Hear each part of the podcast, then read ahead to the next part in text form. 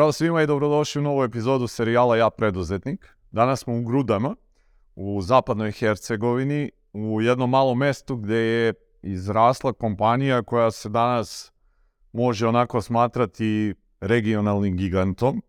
I imali smo priliku da prođemo kroz onako i jedan samo deo kompanije i lepo smo se našetali, mogu vam reći, imat ćete prilike da vidite i te neke kadrove. A ja sad ovako za početak imam e, zadovoljstvo da vam predstavim čovjeka koji je pokretač cele te ideje i koji je onda zajedno sa ozbiljnim timom ljudi stvorio ovo nešto danas, sve što možemo da vidimo, pa mi je jako veliko zadovoljstvo da vam predstavim gospodina Petra Čorluku. Petre, hvala vam najpre na gostoprimstvu ovdje kod vas u kompaniji. Hvala na odvojenom vremenu za nas. I ja da vas zamolim, ovako uvijek je lepo čuti onako od osnivača kako oni vide svoje kompanije, šta biste vi rekli, šta je to što Violeta danas radi. Pa hvala vama na dolasku, što ste izvojili, što ste nas prepoznali. Sad, šta reći, mislim da je bolje drugi da kažu o nama, mi smo možda nekad premotivni, nekad subjektivni, tako, tako da mi uvijek vodimo se onaj, potrebama potrošača, sve radimo za kupce, potrošače i to već 32 godine. Tako da, međutim, vremena se mijenjaju, trendovi se mijenjaju i mi nastojimo se uklopiti u te trendove. Nadamo se, evo i sami da ste se uvjerili da je kod nas e, robotizacija, solarni, proizvodnja struje, solarni panela, e, tako da stvaramo jednu visoko akumulativnu granu. Jer ako radite nešto što mogu svi raditi i ako se bazirate na e, niskoj radnoj, e, na jeftinoj radnoj snazi, onda ćete sigurno onaj, nećete daleko dogurati, nećete biti zanimljivi ni zaposlenicima, ni, ni tržištu. Rekao smo da smo u Grudama i to je mesto negdje gdje ste vi odrasli, jel tako? Kako je izgledalo to odrastanje pa posle školovanje, koliko je uopšte u tom trenucima vama možda delovalo nekada ćete se upuštati u preduzetničke vode? Pa mislim ja sam dijete iz e, obitelji koja je se bavila e, poljoprivredom, a i poljoprivreda je jedan način e, poduzetništva. Tako da onaj, e, u tim vremenima normalno bilo bi smiješno e, reći da sam imao neki plan, da sam nešto, čak nisam imao ni želje, jer one bi bile nestvarne i nerealne. Onaj, ali evo ja sam uvijek e, pratio trendove, uklapao se, završio sam gimnaziju u Grudama, poslije toga sam studirao u Sarajevu i poslije Sarajeva sam se vratio i zaposlio u državnu firmu koja se bavi e, proizvodnjom asfalta i e, cestogradnjom. E, tu sam radio nekih sedam godina i za vrijeme Markovića, 90. godine, kad, se, kad sam imao 32 godine, fakultet i puno energije i želje za stvaranjem nekih novih vrijednosti. E, normalno tada nisam znao šta se može ni šta treba, ali kažu hrabre i sreća prati.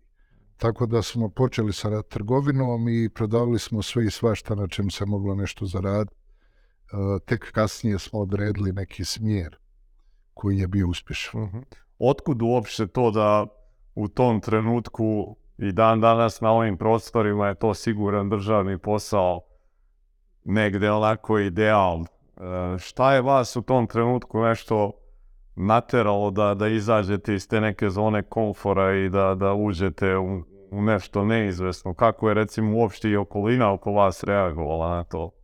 Dobro pitanje, to su bili prvi početci, tada još e, gospodarstvo bilo stabilno stabilno je bilo, međutim ja sam usjetio da treba i da mogu nešto drugačije. Onaj, I normalno da je to bio veliki rizik, ali evo bez rizika nema ni uspjeha. E, uglavnom to su bile najbolje godine za početak, jer e, nije bilo e, tržište e, prepunjeno ni trgovcima, ni proizvodima, tek se nešto počelo malo uvoziti.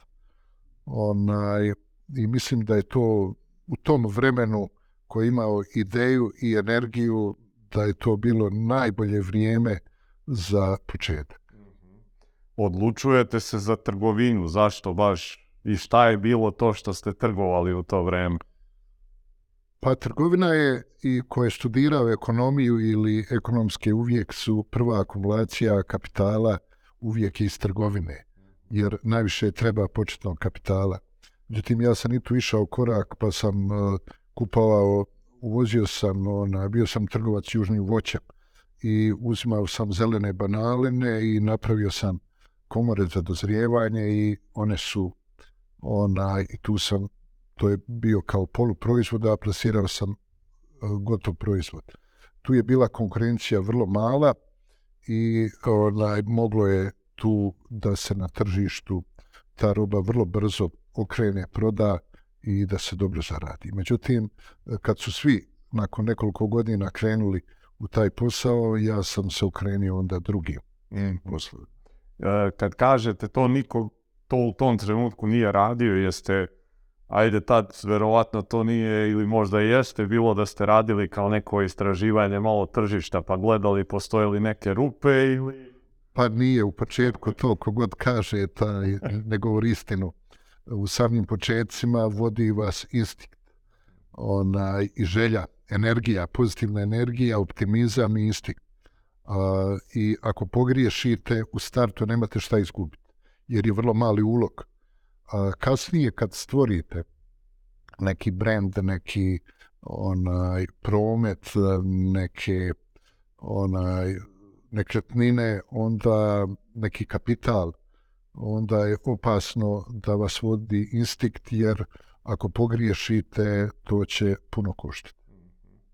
U tom trenutku, dakle, polako počinje konkurencija da postaje malo žešća u toj grani i vi odlučujete da iz trgovine uđete u drugu industriju, je li tako? Pa to je e, logičan slijed e, novci koji se zarade u trgovinu, bilo bi poželjno da se transformiraju u proizvodnju, jer proizvodnja je jedina koja stvara novu vrijednost, koja daje veće zadovoljstvo, veću strast u poslovanju i ja sam se tu odlično snašao. Napravili smo brand Violeta koji je prepoznatljiv u cijeloj regiji, ima značajna učešća u svim proizvodima koje proizvodimo. Mm-hmm. Otkud odluka u tom trenutku da, da eto krenete da radite nešto sa papirom, da to tako kažem? Pa to je, proizvodnja toalet papira je najjednostavnija proizvodnja. Tu je, e, ne možete puno pogriješiti, e, jer onaj je proizvodnja dosta jednostavna i proizvod sam po sebi je jednostavan. Međutim, nismo na tome stali, mi smo krenuli u proizvodnju pelena, dječjih pelena koje su najsloženije.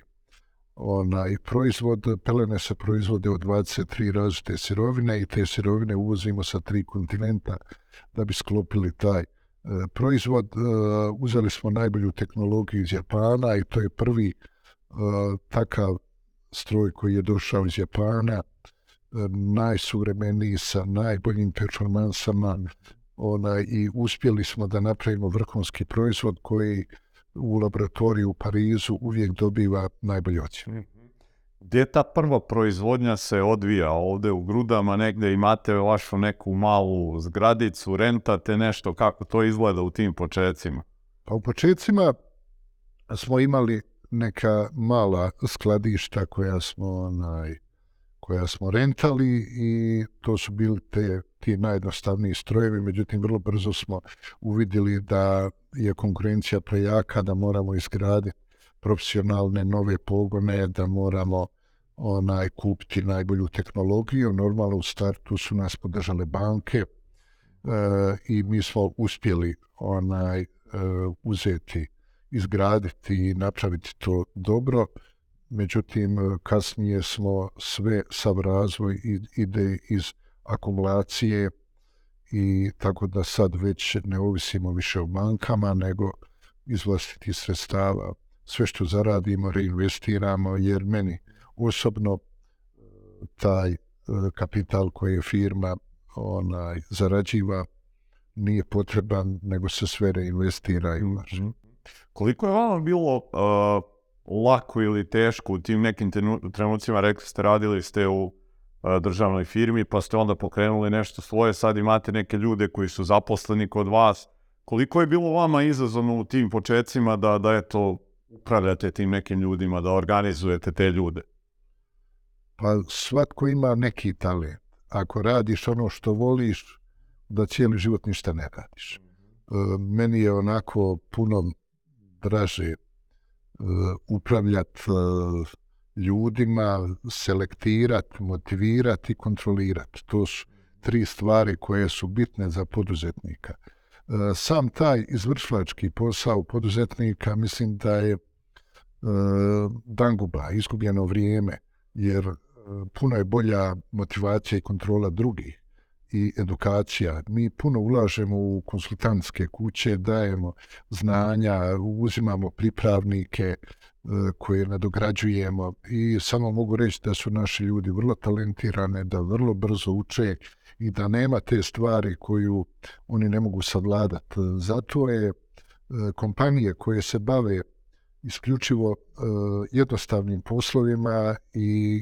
nekim ponavljajućim poslovima koji su manje plaćani, sigurno neće imati budućnost ni oni ni zaposlenici. Zaposlenici će sigurno ići tražiti bolja radna mjesta jer će im ta radna mjesta dosaditi. E, tako da evo, mislim da treba e, birati djelatnost kojom se baviš i tehnologije i finalne proizvode koji su potrebni onaj, i onda ako si konkurentan, e, tržište je veliko i sa nekim ona, još treba uložiti u neke marketinške aktivnosti da se prepoznatljiv onaj, i onda to normalno da ide. Kad kažete da je taj deo preduzetnika operativni gubljenje njegovog vremena, to je, ja mislim, boljka koju većina i dan danas preduzetnika ima u celom ovde negde našem regionu. Kako ste vi osvestili taj deo, je li to došlo onako negde kroz vaša promišljanja, možda kao neči input sa strane i koliko je bilo onda lako maći se iz te operative i pustiti drugima da se bave tim nekim operativnim stvarima? Pa ide to korak po korak, ništa to nije od jedan put. E, Ljudi uče na greškama, kogo kaže da nije griješio taj, ne govori istinu. Onaj, ali kroz vrijeme, kroz te 30, 2-3 godine poduzetništva, normalno da sam e, donosio razne zaključke, iskustva i mislim da je to iskustvo dragocijeno. E, Ja sada trenutno pa radim u prosjeku neki od 4 do 6 sati, one, ali dolazim svjež, motiviran i uglavnom razgovaram ljudi, s ljudima i e, zajednički donosimo strateške odluke za nove investicije, za nova tržišta. Uvijek tu ima vrlo zanimljivi stvari. Mhm. Kad govorimo o tim nekim počecima i tim nekim prvim zaposlenima, šta vam je bilo važno kad ste odlučivali da li ćete nekog od tih ljudi da zaposlite ili ne? Šta ste gledali u njima? E, Dobro pitanje. Mislim da je vrlo opasno ako zaposlite e, stručnog, a neiskrenog, nekorektnog, nepoštenog zaposlenika, onda ćete možda, žao će vam biti da ga otpustite i pravit će vam probleme. E, tako da, evo, mislim da e, u startu se na greškama uči, ali je pravilo da prvo moraš biti e, kvalitetan čovjek i dobar radnik. A naučit će se, e, stručnost će doći. Ako ulažete u edukaciju i mentorstvo, onda naši su ljudi vrlo talentirani i oni će brzo naučiti sve te operacije koje su potrebne u poslovanju. Jel bilo nekih u tim počecima kako je se biznis potvrdio da postoji tražnja za tim nekim vašim proizvodom, Jel bude problem kako kompanija krene da raste, nekako svi želimo rast u našim biznisima, ali često sa tim rastom dolaze i neki izazovi.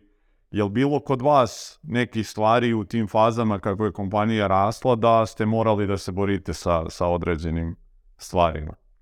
Pa čuj, borba na tržištu je uvijek e, prisutna, jer e, svi žele već, veća učešća, žele da više prodaju, više, jer serijska proizvodnja nije serijska proizvodnja ako su male serije. Znači što je viša serija, to proizvod e, po jedinici košta manje. E, mi smo tu našli neki segment i neko tržište gdje transportni troškovi da nas ne opterećuju previše. To je uglavnom e, neko tržište do nekih, do nekih 800 km onaj, u transportu, a, evo sreća je da imamo sirovinu dolazi dovozimo uglavnom brodovima e, kontenerima ili uzimamo cijele brodove u luku ploče. Mi smo daleko od luke ploče nekih ona 40 km tako da evo sirovinu a brodski prevoz je onaj najpovoljniji imamo dosta dobre onaj ulaze sirovine a u gotov proizvod onaj isto vršimo transport na jedan dobro organiziran način, tako da smo konkurentni i kvalitetom, i cijenom, i izgledom. Kad spomenu smo negde na, na početku i vi ste rekli da ste odrasli ovdje, ja sam rekao da su grude jedno malo mesto. Je bilo ovaj, možda u nekom trenutku razmišljanja da, da ne budete ovdje locirani i zašto ste negde i dugoročno ostali da ipak budete ovdje gdje jeste? Pa nisam nikad pomišljao, mislim istraživanja svjetska su pokazala da e, većina velikih uspješnih kompanija je e, startala u malom mjestu. U malom mjestu je veća strast, veća lojalnost zaposlenika i mislim da je prednost, e, manja je fluktuacija zaposlenika od firme do firmi i zaposlenici se vežu za tu kompaniju, tako da mislim da nismo pogriješili i ne mislimo nikad onaj mijenjati e, centralu i ni mjesto življe. Šta su neke stvari u tim, eto, početnim još uvijek fazama biznisa koje ste vi morali negdje da menjate kod sebe? Pa dobro, promjena je uvijek, promjene su korak po korak, tako da se one u svakom momentu nisu toliko primjetne. Međutim, kad mi uporedimo i proizvode i način razmišljanja, broj zaposlenih, strukturu zaposlenih, sad i prije onaj, 20 godina i prije 10 godina, ona, onda se to vidi da su tu velike promjene. Međutim, te promjene su uvijek nabolje. Evo, Sinoć, kad smo razgovarali, rekao ste ne može vlasnik da bude bogat, a da radnici nemaju dobre plate, ne parafrazira vas malo. To jeste možda negde veliki broj i dalje e, preduzetnika nekako na svojoj na svojim zaposlenima štedi dok se negde s druge strane razbacuju nekim stvarima. Kada ste vi osvestili da je to ulaganje u ljude jedno od ključnih osnova za, za uspeh dugoročan kompanije? Pa sam ne možeš ništa. Znači, e, ne mogu ni strojevi sami, ne mogu objekti. Znači, ključni su ljudi. Međutim, ljude treba onaj dobro motivirati, treba e, dati im dobru obuku i treba raditi testiranje i kontrolu. Znači, mi radimo platne razrede prema znanju i prema učincima, sve se mjeri, sve je mjerljivo i plaće se obračunavaju svaki mjesec prema učincima i prema predstanjima i zdanjima. Tako da onaj, s tim ljudima se stvara uh, sve i mislim da je budućnost da se naši ljudi koji su otišli u inozemstvo da se vraćaju, međutim nije to tako loše, oni stvore tamo uh, radnu naviku, stvore neka znanja i onda požele se uh, svojih onaj krajeva, korijena, tako da mi imamo iskustava e, koji su se vratili ili koji su došli izvana da su vrlo kvalitetni, dobri ona, imaju dobru radnu naviku, imaju disciplinu i zadovoljni su onaj što su uspjeli e, naći posao tu u svom Mhm. mjestu. Eto sad spomenu ste, a i mi smo imali prilike da vidimo kroz sve proizvodne pogone da se sve jasno meri, da postoje metrike i sad to je, opet ako gledamo naše kompanije ovdje u regionu i dalje je još uvek, ja mislim, redkost, par procenata biznisa ozbiljnih koji to rade. U kom trenutku vi negde osvešćujete da, da stvari moraju da se mere i da bez toga nema napretka? E, nema, to je, to je ključ, to, to je ključ. Jer e, fiksna plaća, ma kolika bila, ona e, nakon određenog broja mjeseci postane onako dosadna i, i smatraju da to je onako.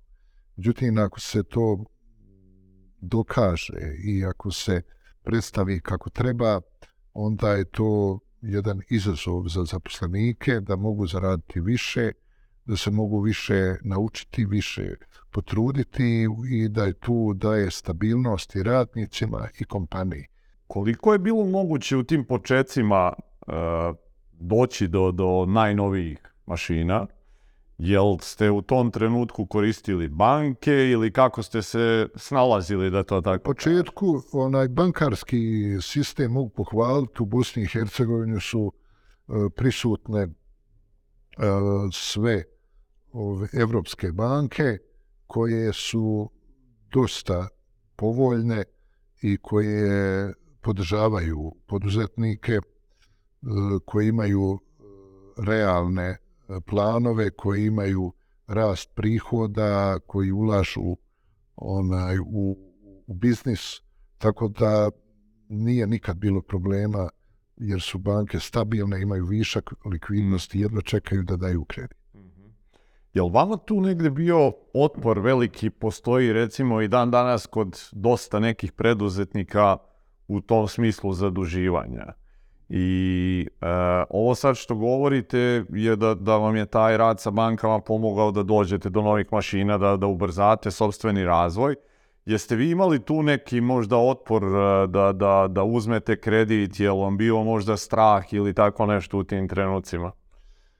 Znate šta, ako nemate znanje i nemate nimalo vlastitih, onda ne možete ići, a neće vas banka ni pratiti, ili ako će vas pratiti, onda je to jedan veliki rizik i za banku, pa će vam biti veća kamata i drugačije osiguranje.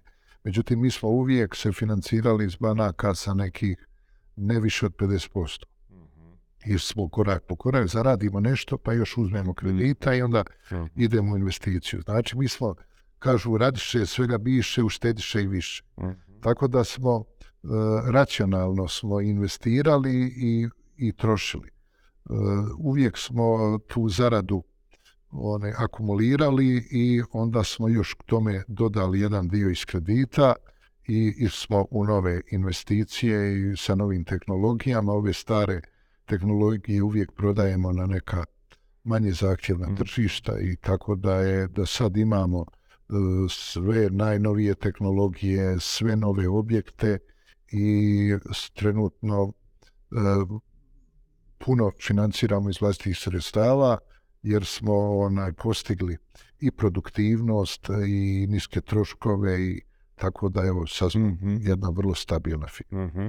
Kad e, govorimo uopšte o tim nekim merenjima, o svemu tome negdje menadžmentu, sistemu, kad dolazi možda negdje, ako se sjećate sad, posle koliko godina ste vi u vašem biznisu počeli da stvarate neke formalne planove, da postoji jasno neki budžeti i ti neke stvari, koliko vremena je recimo ako se sjećate uopšte. A, to je već e, prvi deset godina poslovanja je bilo sve na isti Mhm. i na onako. Međutim, e, zadnji 20 godina e, imaju budžeti, imaju planovi, imaju sektori, ima sve i normalno da to u početku nije bilo tako Mhm. e, kvalitetno, ali uvijek su početci improvizacija. Ali sad je to sustav koji točno se zna kako funkcionira, ko koga mijenja, e, kad šta dolazi i šta je iza čega uglavnom posloženo i sve i mi imamo, baš imamo jedan američki softver koji prati u realnom vremenu oni sve šta se dešava, obnavljaju se podaci svako dva sata. Da, mi, mi znamo točno svako dva sata jesmo li u planu, jes, koliki nam je škart, kolika je produktivnost, kakva je prodaja, kakvi su prihodi. E, Sva ta knjiženja koja se rade, one se softveri preuzima i oni su na ekranima u svim uredima i u svim e, proizvodnim pogonima. Znači i na osnovu njih se e, obračunavaju i plaće i planiraju se e, nove investicije. Mhm. Znači sve je sad softverski vođeno i danas u ovolikoj firmi pojedinac bez pomoći, to se zove sad više često spominje umjetna inteligencija. Mhm. Umjetna inteligencija je prisutna svugdje u velikim sistemima, međutim njih opet trebaju da kontroliraju ljudi, treba da imaju uh, ideje onaj kako to sve još unaprijediti, kako realizirati, ali je pomoć onaj velika. Mhm. E, to sad kad govorimo o prvih deset godina, znači nije bilo nekih formalnih stvari, e, pa je onda uvedeno. Je li to došlo nekim vašim osvešćenjem, možda nekim inputom sa strane, da to mora ipak da bude formalizovan? Pa da vam kažem, pojedinac uh, je bitan, ali nije odlučujući. I ako se dugo vodi one kao pojedinac, on će se nasukati i otići u krivom smjeru. Znači, u startu je bitan stvor, okružiti se ljudima uh, koje je pametan, on uvijek zapošljava stručnije i pametnije ljude od sebe. Jer onda možeš onaj, i ti napredovat skupa s njima. Kod nas je prosječna sada imamo 32 godine je prosječna dobna uh, u starost je 32 godine, imamo točno negdje sad oko 1500 ljudi, od toga je točno 750 žena, 750 muškaraca. To nije išlo se da se, nego je to slučajno. I mi smo se uvjerili da i u proizvodnjama da su žene vrlo dobri radnici, da su dobro skoncentrirane, da su strpljive i mi bez onaj žena ne bi mogli onaj nikako organizirati sve poslove i mi dajemo uh, podršku trudnicama. Svaka žena koja se e, zaposli na određeno vrijeme dok zatrudni automatski dobiva ugovor na neodređeno vrijeme dobiva besplatno pelene i e, sve što je potrebno dječju kozmetiku, sve dobiva besplatno. Znači, mi potičemo rađanje, to nas dosta košta jer uvijek imamo, pa uvijek preko 50-100 žena na bolovanju, ali mi smo sretni da žene rađaju i one se ponovo vraćaju na posao i svakoj ženi je zagarantiran povratak na radno mjesto. Imamo u sklopu onaj dječji vrtić za zaposlenike po metodi Montessori, to je najsuvremeniji onaj vrtić sa posebnim pristupom odgoju djece. I sad e, imamo u planu da napravimo i školu, da otvorimo do četiri razda isto po metodi Montessori, a onda ćemo vidjeti dalje onaj, uglavnom bitno je u startu djecu onaj, okrenuti na pravi smjer, jer danas uh, u tim vrtićima nisu prisutni nikakvi ekrani, nikakvi mobiteli, ništa nego je igračke su posebno konstruirane, poseban je pristup svakom djetetu posebno, jer sva ta djeca imaju neki talent. I ako se taj talent razvija ako imaju, oni će biti sretni i e, dogurat će onaj dosta, oni bit će uspješni i puno će toga naučiti primijeniti. Ako se znanje nasilu gura, onda ono nije, neće se primijeniti, ostaće negdje onaj, neiskorišteno. Tako da nam je sad veliki izazov ulaganje u odgoj djece, posebno u školstvo, jer danas naše srednje škole i fakultete nisu prilagođeni e, potrebama gospodarstva, ni, ne, ne prate razvoj e, ni proizvodnje, ni prodaja, ni menadžmenta, uglavnom oni kasne dosta. tako da evo mislim da bi reforma školstva bila neophodna, a ona se može Međutim, nije dovoljno samo kritizirati, govoriti da nije dobro. Mislim da treba služiti primjerom i pokazati kako je moguće. Evo, mi smo pokazali sa vrtićem da naša djeca iz vrtića su već u školu kad dođu prepoznatljiva, da su puno opuštenija, puno slobodnija, puno više lakše komuniciraju.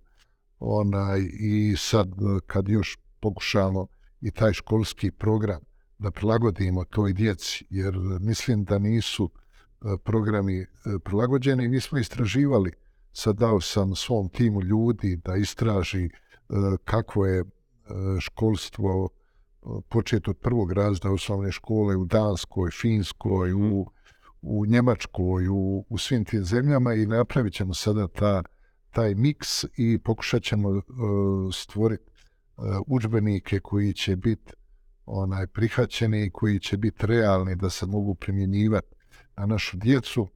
Jer recimo kad vidimo u Njemačkoj imate dualno obrazovanje i oni već u osnovnoj školi opredjeljuju se e, u kojoj firmi, na kojim poslovima susrećeju se kroz praksu onaj sa raznim zanimanjima i onda djeca mogu zavoliti ta zanimanja mhm. još u, u, u toj dječjoj dobi i normalno da će ta izrast u velike stručnjake koji će raditi sa zadovoljstvom na tim radnim mjestima i da će biti i zadovoljni i da će više zaraditi. Tako da je cilj je da se e, stvara stručni, zadovoljni, visoko produktivni i onda sigurno je budućnost zagarantirana.